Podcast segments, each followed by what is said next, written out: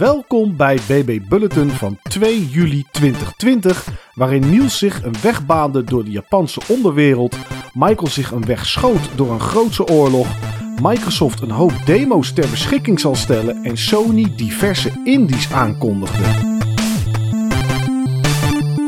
Niels, uh, Japanse onderwereld kan maar één ding betekenen. Dat betekent meestal Yakuza. Oh, ik dacht True Crime. Oh, oké. Ja, die heb ik nooit gespeeld. Nee, ik ook niet. Ik weet ook niet of het met Japanse onderwereld is, maar ik weet alleen dat het John Woo-like is of zo, zeg maar. Hmm. Maar, maar goed, uh, Yakuza, waar welke? Yakuza Kiwami. Dat is een remake eerste, van deel hè? 1. Ja, klopt. Oh, van deel 1. Niet van, oh, die andere is Zero natuurlijk. Ja, Zero is de origin story. Um, dus daar begint het ook echt. En er worden karakters geïntroduceerd waar dit deel op verder gaat. Volgens mij is dit deel ook gered komt om beter aan te sluiten op Zero. Maar uh, Yakuza Zero heb ik, uh, ik denk een paar jaar geleden of zo gespeeld. In de podcast ook over gehad. Ik was er heel positief over. Je had heel veel vrijheid om uh, door een bepaalde ja, aantal straten zeg maar, van een stad te lopen. En daar te doen wat je wilde doen. Dus ja. wilde je gaan darten, dan ging je darten. Of je ging met go-karts of uh, wat is het, van die kleine autootjes uh, op afstand bestuurbaar spelen, dan kon dat. Of je wilde een uh, sidequest doen, er waren heel veel sidequests om te doen.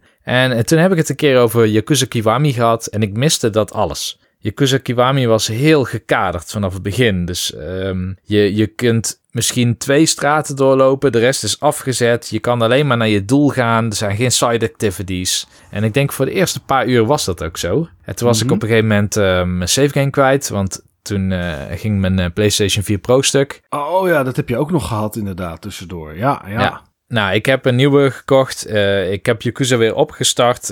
eigenlijk was ik niet zo heel erg ver, dus het was best wel snel om bij te spelen. En um, ik heb, ik denk, elke weekend een uurtje gespeeld. Nou, als je dat vaak zat doet, dan kom je op een gegeven moment aan meer dan 10 uur. En dan speelde je elke keer maar één uurtje? Ja, ja zoiets ongeveer. Want, uh, en dat is ook echt zo, uh, ik vind... Yakuza is een serie, dit is niet, het is geen goede gameserie als je mij vraagt. Er is van alles op aan te merken. Um, maar het heeft iets. Het, ja. het heeft iets op het moment dat het klikt, Um, dan, dan klikt het denk ik ook op een manier dat je uh, ermee bezig wil zijn of wil blijven. En mm. um, ik had het daar laatst over met uh, Karel Millenaar, de Mil ooit genoemd. Maar we hebben nooit in de podcast gehad, maar wel eens over gehad. Ja, hij is een legende zonder aanwezig geweest te zijn, inderdaad. Ja, precies. Maar hij had een, uh, een game geïmporteerd uit Amerika op basis van een artikel wat hij had gelezen. Uh, dat stond op gamesindustry.biz. Dat was een interview met een developer van een roleplaying game die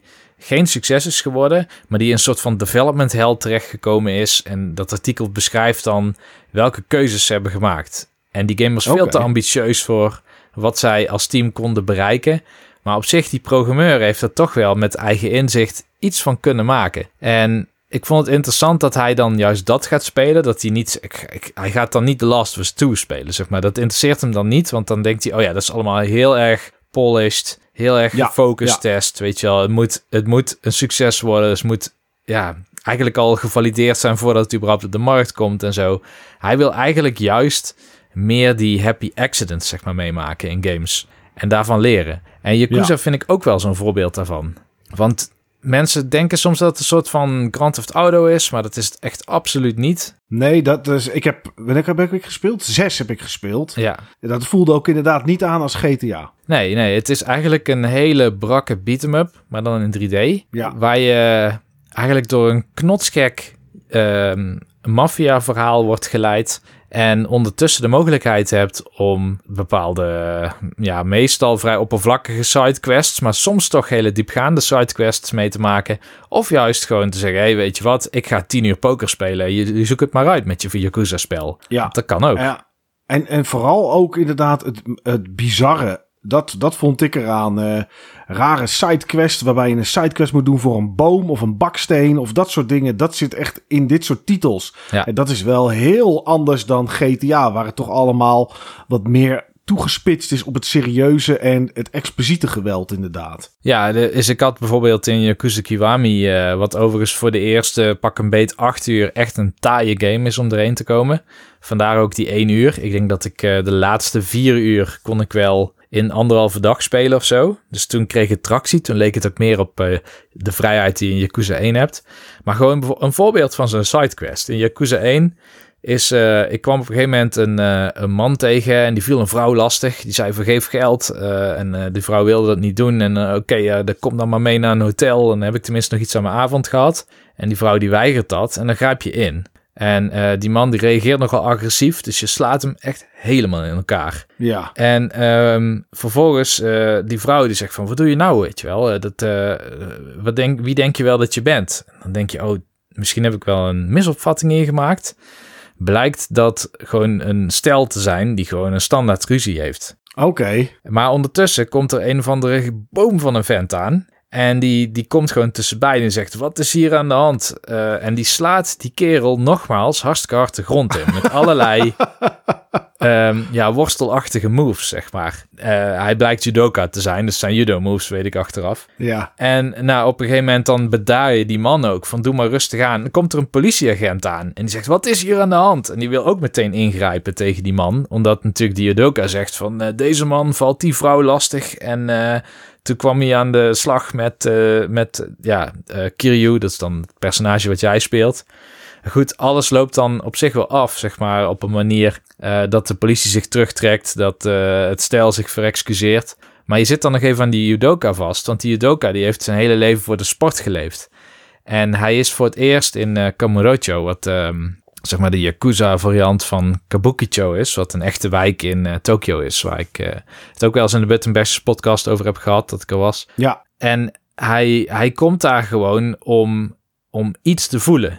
Klinkt misschien vaag, maar um, hij heeft het uiterste uit zijn sport gehaald en hij vraagt zich af wat het leven hem nog te bieden heeft. Dus hij vraagt, laat mij zien, zeg maar, wat gaaf is om te beleven in deze streek. En uh, dan denk je dan aan eten. Ja, is goed. Nou, dan gaan ze eerst naar een Koreaans barbecue restaurant. Um, en dan heeft hij uh, gigantisch veel gegeten ook. Uh, het, is, het is een enorme vent natuurlijk. En hij heeft een, een trek van iemand die topsport doet. Dus hij trekt wat Kiryu helemaal kaal qua kosten.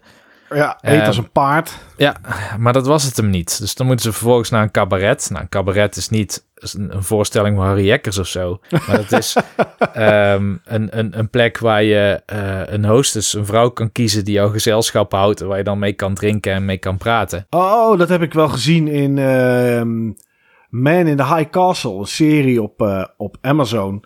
En daar zie je dat ook inderdaad. Uh, dat, uh, dat speelt zich dan af in de jaren 50 ongeveer. 50, 60, die periode. Na, dat, uh, na de Tweede Wereldoorlog, zeg maar. Mm -hmm. En nou ja, goed. Wat er, dan, wat er gebeurt is dat Amerika is opgedeeld in drie delen. het oosten, dat is van de Duitsers. Dat is dan het Reich.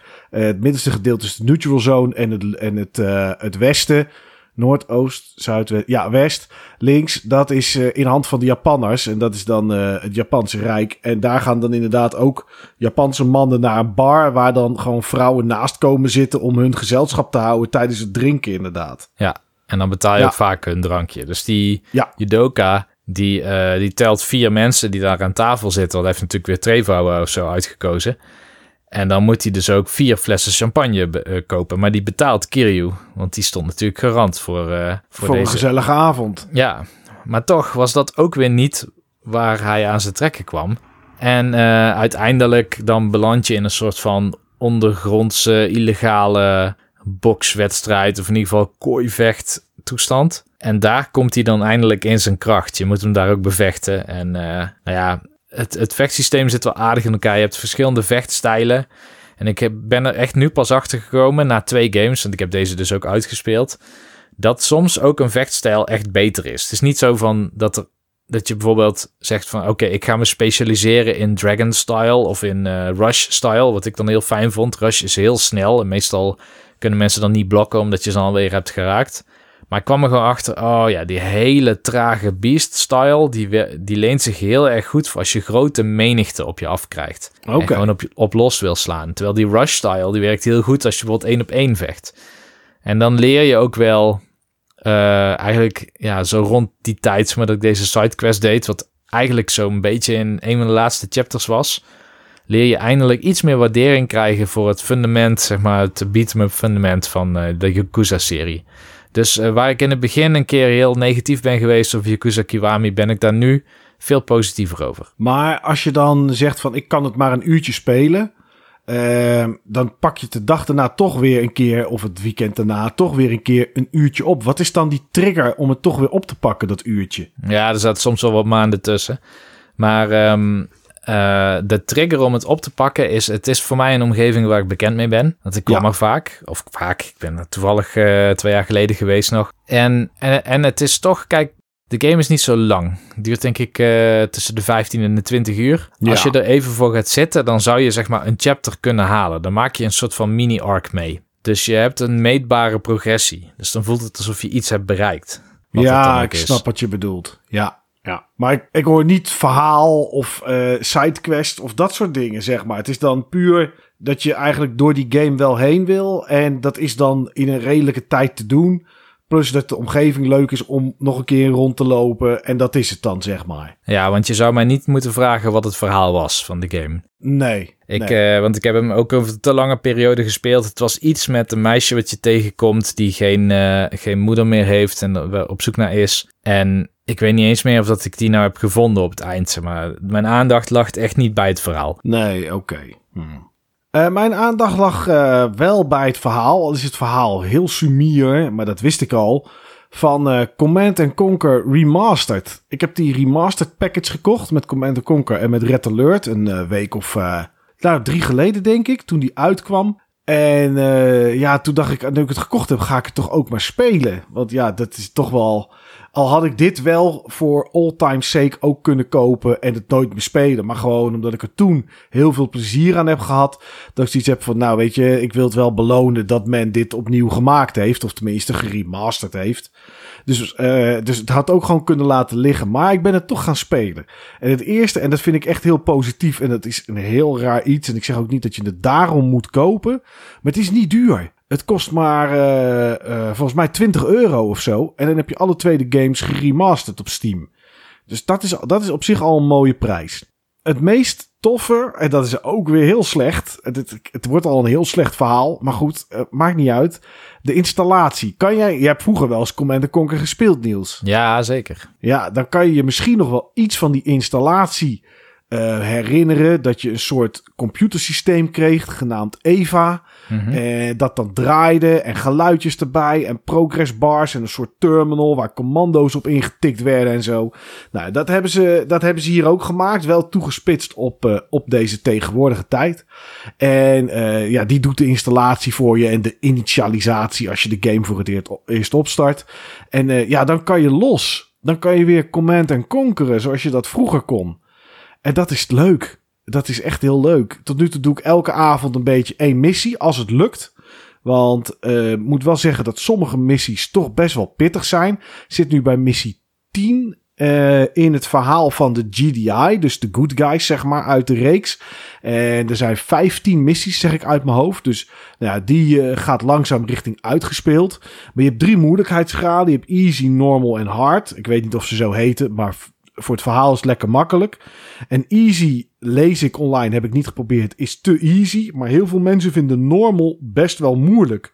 En ik weet niet meer hoe ik dat vroeger vond. Omdat ik toch volgens mij die story destijds nooit heb uitgespeeld. Omdat ik eigenlijk altijd voor de multiplayer ging. Want ja, het was natuurlijk tof om je PC onder je arm mee te nemen destijds. eh, naar een kameraadje toe te gaan. Neer te zetten. Netwerkkabel ertussen. En heel de avond gewoon Command Conquer tegen elkaar spelen. Dat was, eh, dat was wel een mooie tijd.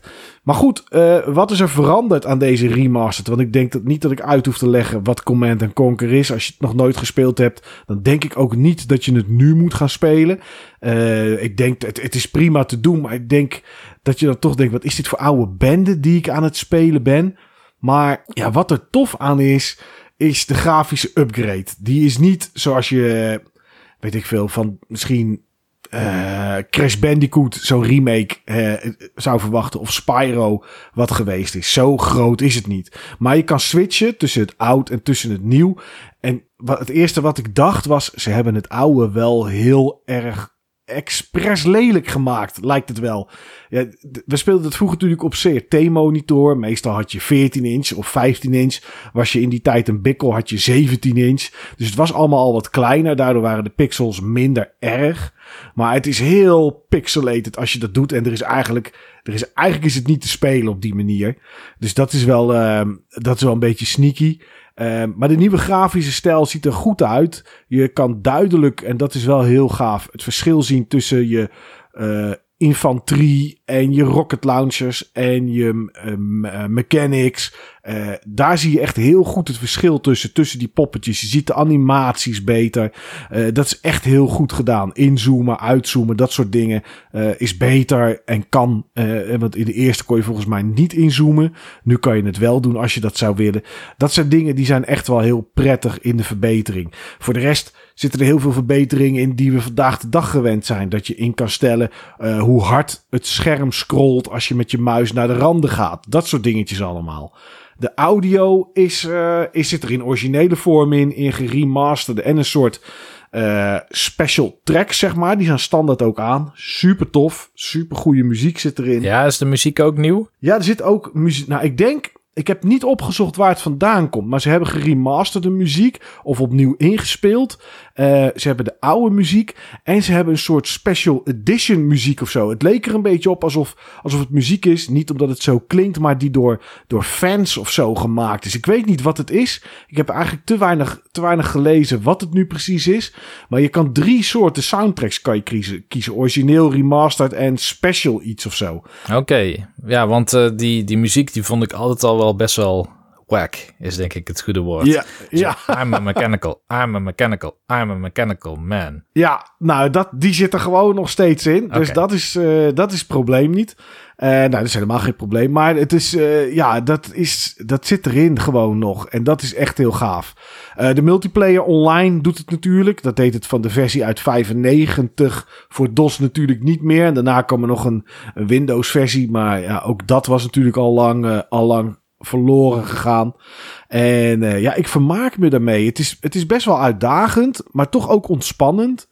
Uh, het is leuk om weer die setups te bedenken. Dus je, je bouwt vijf engineers, die zet je in een, in een, in een wagentje. Wat, uh, dat is bij Red Alert dan, dat onder de grond kon. Dat kon in uh, Commander Conquer nog niet. Maar wel een wagentje waar je ze in kan zetten. Die laat je uit. Je zorgt dat je alvast een, een turret of iets gebouwd hebt. Je neemt een gebouw over van de GDI. Dan is dat ook een stuk van jouw basis. Dan zet je daar die turrets neer. Dat soort dingetjes zijn gewoon leuk om te bedenken. Uh, ondanks dat je best wel vaak doodgaat. Want het is, ja, het is best nogal stevig om, uh, om te spelen. En het, het lijkt er wel op dat je minder uh, correcte keuzes hebt om te maken. Als je kijkt naar games van vroeger, en neem een Super Mario uit de, allereerste, of uh, welke platform game dan ook. Het waren natuurlijk allemaal games die je bijna moest spelen zoals de maker ze bedacht had. Je moest hier naar links, daar moet je overheen springen. Je kan alleen recht omhoog, of je kan alleen schuin, of wat dan ook. Je, ja, je moest het spelen zoals de maker bedacht. Tegenwoordig zijn games natuurlijk ja, we gooien je in een open wereld. En of je over het dak gaat, of dat je, dat je door de kelder gaat, en of je iemand neerschiet, of je wurgt hem, of wat dan ook. Je hebt veel meer vrijheid en veel meer keus. Uh, dat heb je ook wel bij de real-time strategy games die er nu af en toe nog uitkomen. Maar dat heb je hier toch minder, omdat je soms een leveltje begint. Uh, waarbij je alleen maar twee of drie poppetjes hebt. En dan moet je gaan lopen en dan moet je dingen gaan vinden. Uh, ja, dan heb je niet heel veel keus. Ga je naar links, loop je een basis in. Ben je altijd dood, want dat win je gewoon nooit. En dat is ook wel een beetje zo uh, met al deze leveltjes eigenlijk in de game. Begin je met een basis en bouw je die gelijk waar je aan land komt. Ligt er maar heel weinig Tiberium. Dus je hebt maar heel weinig geld. Dus eigenlijk is het dan al over. Nee, je moet doorrijden en ergens anders op de map gaan staan. Want anders win je het niet. Dus het is wel wat. Ja, qua mogelijkheden. Eh, eh, ja, je hebt alle mogelijkheden, maar het is wat genarrowd. Het is wat, wat krapper met wat je kan doen om te winnen. Maar goed, dat maakt het aan de andere kant ook wel weer leuk om een oplossing te bedenken die dan toegespitst is op dat level en het daarmee te spelen en het level te halen. Dus ja, ik, ik vind het leuk. Ik vind het echt heel tof. Ja, het is ook wel iets voor mij. Uh, ik moet even gaan denken of dat ik daar tijd voor wil maken, zeg maar, om die remake nu te gaan doen. Ja. Of die remaster. Um, maar dit genre is me altijd op het lijf geschreven geweest. Ja, ja, ik vind het ook tof. En ik ben expres nog niet aan Red Alert begonnen.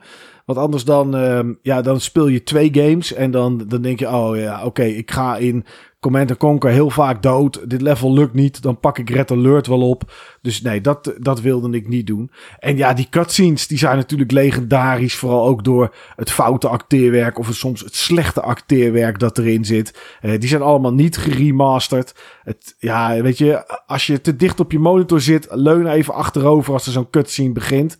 Want anders dan is het soms misschien heel lastig om een beetje te zien wat er nu, uh, wat er nu gebeurt en wat er, uh, wat er aan de hand is. Maar ja, het geeft wel het echte ouderwetse gevoel weer terug. En terwijl ik het speelde, dacht ik, er moet nooit meer een nieuw deel komen. Want het gaat nooit meer dit gevoel brengen. En dat gaat het nooit meer worden. Dus het, uh, soms verlang je er wel eens naar. Dat je denkt, was er maar weer een nieuwe Command Conquer. Maar ik denk dat het het beste is dat het zo blijft. Sony had een, uh, ja, het was geen direct of zo, een state of play, hè, Niels, waar ze die indie games afgelopen week aankondigden. Nee, het waren gewoon een losse serie trailers, leek het. Ja, en uh, we hadden het er van de week eventjes over en toen zei ik, oké, okay, dit is echt heel dom. Het is heel dom dat ze dat op deze manier gedaan hebben, want uh, het waren negen indie games die ze aankondigden. En ik heb er een stuk of uh, vier, waar ik het zo meteen heel even over wil hebben, die ik echt interessant vond. En de, de, de moeite waard vind om ze te noemen. En eigenlijk waren het er nog wel meer, want er zat voor mijn gevoel eigenlijk maar één hele slechte game tussen. Maar ik vond dit stuk interessanter dan wat ze hebben laten zien bij de PlayStation 5 onthulling. Um, ik kan er me wel wat bij voorstellen, ja, absoluut. Ja, jij hebt ook gekeken. Wat, wat, wat viel jou op? Welke games? Welke games vond jij interessant? Of dat je dacht van, oké, okay, dit zet ik wel ergens op een lijstje van... als dit uitkomt, dan wil ik dit misschien wel spelen. Er waren eigenlijk twee games die me heel positief opvielen. Ja. En dat waren Creeks. Het is een, ja. uh, een game van de makers van Summerlost. En ik meen van, um, ben ik even de naam kwijt... die point-and-click met die robotjes. Oh, uh, Machinaria. Machinaria, ja. En ja, ja dat, het ziet er ook uit als een game van dat team. En uh, ja. zij uh, bouwen geen games voor het grote publiek. Zij kennen hun doelgroep heel erg goed. Um, en daar lijkt dit dan ook weer op. Ik moet zeggen, ik vond het niet lijken op een point-and-click adventure. Ik vond het ook niet lijken op Summerost. Het leek meer een soort ja, platformer puzzelen, een beetje limbo-achtig, maar dan misschien zonder het gevaar of zo te zijn. Ja, nou dat inderdaad, ja. Wat ik er, wat ik er tof aan vond was de uitstraling, hoe het, de, de, de grafische stijl. Voor mijn gevoel leek het een beetje een soort poppetjes van Emaille te zijn of zo. Die dan ook zo een beetje bewegen alsof er van die scharniertjes echt zeg maar tussen uh, arm, bovenarm, schouder zit. Een beetje wat houterig of zo. Of ik weet het niet. Het was heel apart. Maar het was een heel groot huis. Een, een huis dat bestaat uit vijf delen, las ik later. En het is inderdaad een soort puzzelplatformer. En objecten zoals bijvoorbeeld een kapstok, een ladekastje of dat soort dingen die je kan bewegen, die je kan schuiven en kan duwen. Die zijn in het donker zijn het tegenstanders. Maar zodra het licht erop schijnt, dan uh, zijn het dat wat ik net zei. Een kapstok, een ladekastje of dat soort dingen. Dus het geeft een beetje het idee dat het ladekastje dat ik hier rechts voor me zie staan, wat nu nog in het licht is, gewoon een ladekastje is totdat het straks helemaal donker is. En dat het dan een soort van monster of tegenstander wordt.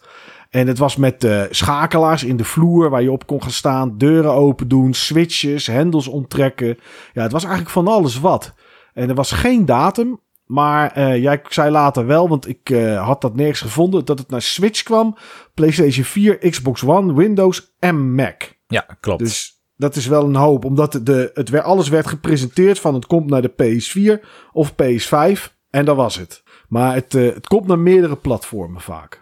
Ja, in ieder geval bijna alle games wel. Ze komen sowieso naar PlayStation 4. Ja. Ik meen zelfs alle games PlayStation 4. Um, maar er zitten ook games tussen inderdaad die multiplatform zijn. En die zijn ook al gereleased met een trailer die dat aankondigt. Dus niet natuurlijk op de, de Sony YouTube kanaal, maar gewoon op hun eigen kanaal. En ik neem aan dat er ook wel wat timed exclusives zijn. Ja, dat zal ongetwijfeld.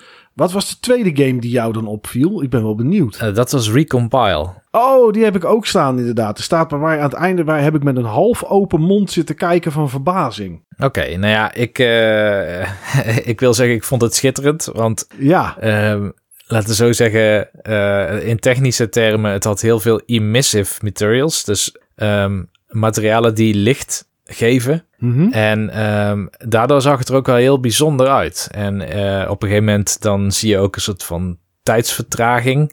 En dan kom je erachter. Ik denk dat het een soort van action run game iets ding is. Uh, ik, ja, ik heb, ik heb de trailers heel vluchtig gekeken. Dus ik heb niet heel uitvoerig uh, gekeken van hoe werkt het nou precies. Maar um, het, het leek me wel als een soort hele actieve platforming game. Ja. Misschien wat minder action, misschien minder schieten of actie of zo. Maar het ontwijken in ieder geval zag ik wel heel erg in de gameplay zitten die ik had gezien. En dat dan met een heel mooi, lekker gelikt stijltje. Ja, nee, uh, ik zag inderdaad actie. Uh, ik zag springen uh, en ontwijken, maar ook vliegen. Want je kon ook een soort van omschakelen naar iets dat vloog. Maar het kan ook zijn dat dat was omdat dan dat gedeelte van het level inkikte. Ik weet niet, er gebeurde echt van alles. maar het was, het was heel energievol. En ja, goed, schitterend is inderdaad het, het juiste woord. Want het zag er echt heel tof uit. Dus uh, ja, dit was wel een game die ik ook op mijn lijstje had. En ik denk, jij komt ook wel met Carto. Nou, die heb ik niet gezien. Dus dat Oké. verklaart waarom ik daar niet mee kom. Ja, ja. Ehm nee, Carto, dat was de... Nou, ik weet niet of het de eerste game was, maar het is de eerste game die ik in ieder geval zag. Komt naar PlayStation 4. En dat was wel mooi. Ehm het, het, aan het einde van de trailer onder het PlayStation logo stond dat alle beelden gecaptured waren vanaf PC. Maar goed, het komt naar de PS4 uh, in de herfst van 2020 en het is een puzzelgame. En het is een puzzelgame waarbij je vrij relaxed kan puzzelen. Het is niet iets met tijd, het is niet iets met gevaar of dat soort dingen. En de truc is dat je in een, um, je zit in een, in een gebied en dat gebied is uh, misschien negen blokjes bij negen blokjes. En dan niet in een vierkant, maar weet ik veel. Twee rechtsboven, één onder, de rest in het midden. Uh, gewoon een beetje rommelig aan elkaar. En wat je kan doen is de game soort van pauzeren door naar de kaart te gaan, door naar de map te gaan. En dan kan je die blokken van de map kan je oppakken en roteren en dan aan andere stukken van de map plakken. Waardoor de wereld verandert. En op die manier kan je dan ook uh, puzzels oplossen, bijvoorbeeld. Hmm. Uh, je zag een. Je zag bijvoorbeeld, hij stond ergens, stond, die, stond het personage stond met een beer. En die beer die gaf iets aan van cirkel. En je zag twee stukjes rivier die alle twee een andere kant op waren. En dan was het aan jou om dan naar de map te gaan. Die twee blokjes te draaien. Ergens anders uit de map twee blokjes te halen. Ook met een halve cirkel. En die dan, of een kwart cirkel bedoel ik. Die dan bij elkaar te zetten. En daar dan een cirkel van te maken. En dan was de puzzel voor die beer was opgelost, zeg maar. En op die manier moest je dus puzzelen. En dat vond ik wel, uh, ja, vond ik wel heel origineel, moet ik zeggen. En het zag er ook echt leuk uit. Het, het was het eerste wat ik zag en ik dacht, oké, okay, doei Spider-Man Miles Morales. Uh, ik ga Carto gewoon spelen, weg ermee. Het klinkt in ieder geval veel interessanter conceptueel. Ja, ja, echt wel interessant. En de andere die ik nog even wilde noemen, die ik erg tof eruit vond zien en waarvan ik hoop dat het ook tof is, was Fist. Forged in Shadow Torch. Dieren die het opnemen tegen, tegen machines. Ja, dat is natuurlijk al gouden formule. Uh, en je speelt een konijn, in ieder geval wat we zagen. Een konijn in een heel groot pak, een mechpak. Dus uh, ja, je ziet een hele grote robot lopen met daarboven een klein, een klein hoofdje van een konijn. Het was een side-scrolling beat-em-up. Een beetje wat we kennen uit, uh, nou ja, noem het maar, uh, Streets of Rage, dat soort dingen. Een beetje zo'n soort, uh, zo'n soort gevoel gaf het qua, qua gameplay. Al zag je meer één op één gevechten tegen grotere dieren. Dus ik weet, dus, of tegen grotere robots. Dus ik weet, ik hoop niet eigenlijk dat het alleen dat is. Maar dat ze dat voornamelijk lieten zien. Voor mijn gevoel heb ik in de trailer wel ergens die, dat konijn tegen een stuk of vier, vijf tegenstanders gezien. En het is een diesel punk style action adventure. Zo noemen ze het zelf. Uh, zag er echt super goed uit. Veel verschillende wapens zag je.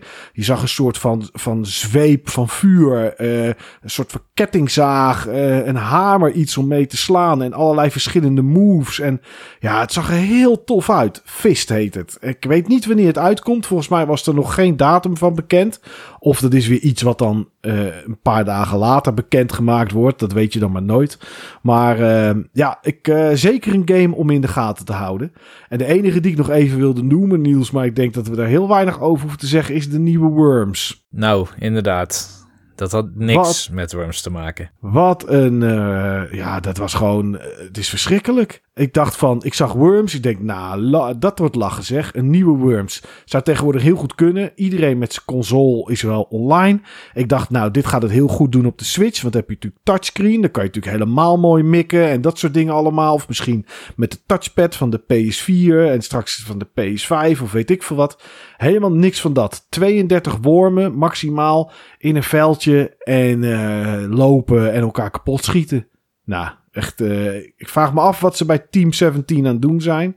Want dit had echt heel erg veel beter gekund. Het deed me een beetje denken aan, je had uh, jaren geleden op de Nintendo 64 een South Park first-person shooter... waar je sneeuwballen naar elkaar moest Sneeuwballen, ja, ja, ja, die weet ik inderdaad wel, ja. En dit deed me daaraan denken, zeg maar. Dat, zeg maar, die productiewaarde, ja. die intentie om iets zo hoogwaardigs neer te zetten, oftewel niet. Nee. En ja...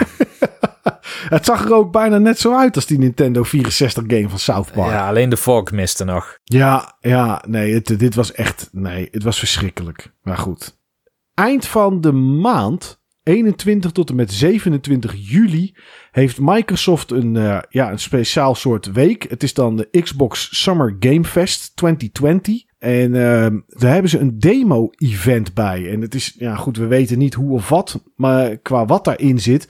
Maar ik vond het toch wel interessant dat Microsoft in die week, en jij dus als speler daar de kans toe hebt, tussen de 75 en 100 game demo's kan spelen. Dat is wel echt veel. Ja, heel veel. Alsof ja. je naar zo'n showfloor gaat. Nou, inderdaad, maar dan thuis. En um, je krijgt 60 demo's. De kans om 60 van die demo's zijn upcoming en unreleased Xbox games. Dus het zijn gewoon games die nog niet uit zijn. Uh, vroeger had je heel veel demo's. Wij komen nog uit de tijd, Niels, dat je floppen had bij een uh, PC-magazine. Waar dan een shareware-versie op stond met een leveltje of 5. En uh, heel af en toe zie je nog wel eens demo's die online worden uitgegeven. Voor Final Fantasy 7 toen. Resident Evil 2 en 3 remake. Dat soort games. Maar nu komen er gewoon van 21 juli tot en met 27 juli tussen de 75 en 100 demo's beschikbaar op Xbox-platformen van 60 zijn van games die nog niet uit zijn gekomen. Dus mocht je in die week niet weten wat je moet doen, ja, dan heb je denk ik een, een, hele rits aan games te spelen. 8 juli is er een limited run game show. Uh, ik weet niet wat ze gaan laten zien. Heb jij iets gezien, Niels, wat er gaat komen? Nee, ik heb niet gezien wat er gaat komen, maar als ik uh, terugdenk aan vorig jaar bij de E3, toen ja. hadden ze zo'n pre-recorded, uh, jij zou er slecht tegen kunnen, want het is met een en al grapjes en zo, maar zo'n ja, show... niet leuke grapjes. Nee, helemaal Dan, niet, nee. Maar. Nee. Uh, het was een soort neptheater, weet je, zoals de, de Cerny PlayStation 5 presentatie, maar dan oh, ja, nog ja, nepper, ja. zeg maar. Hmm. Um, en daar lieten ze dan zien welke games ze nog gingen uitbrengen fysiek. En toen was het heel bijzonder, want toen hadden ze nog een aantal bestellingen voor Vita's lopen. Die zijn nu afgelopen. Je kan geen Vita games meer drukken, heb ik begrepen. Nee, klopt. Die apparaten zijn uh, meer dan een jaar geleden of zo gestopt, volgens mij. Uh, nou, toen, toen was aangekondigd maken. dat ze stopten, inderdaad. Oké. Okay. Nu zijn ze volgens mij gestopt. Ja. Ja, en misschien hadden ze toen ook niet één of twee games die nog niet aangekondigd waren ergens anders, die zij dan onthulden dat die eraan kwamen en ook naar Limited Run. Zat daar ook niet zoiets bij toen? Dat zou kunnen, weet ik niet meer. Ja. Nou ja, goed. Het is in ieder geval 8 juli, dus wie weet komt daar nog wel iets, uh, iets interessants uit. Um, vorige week had het even over Bloodstain, Curse of the Moon 2. Dat die, um, die zat toen in, uh, wat hadden we toen? Oh, die uh, Day of Devs. Daar kwam dat ding volgens mij toen voorbij, toch? Nieuw Game Expo. Game oh, Plus New Expo. Dat was hem inderdaad, ja. Nou goed, inmiddels is er een release date 10 juli. Dus dat is volgende week uh, woensdag, denk ik dat het is. Uh, komt voor PC, PS4, Switch en Xbox One uit. Dus dat is wel, uh, dat is wel netjes.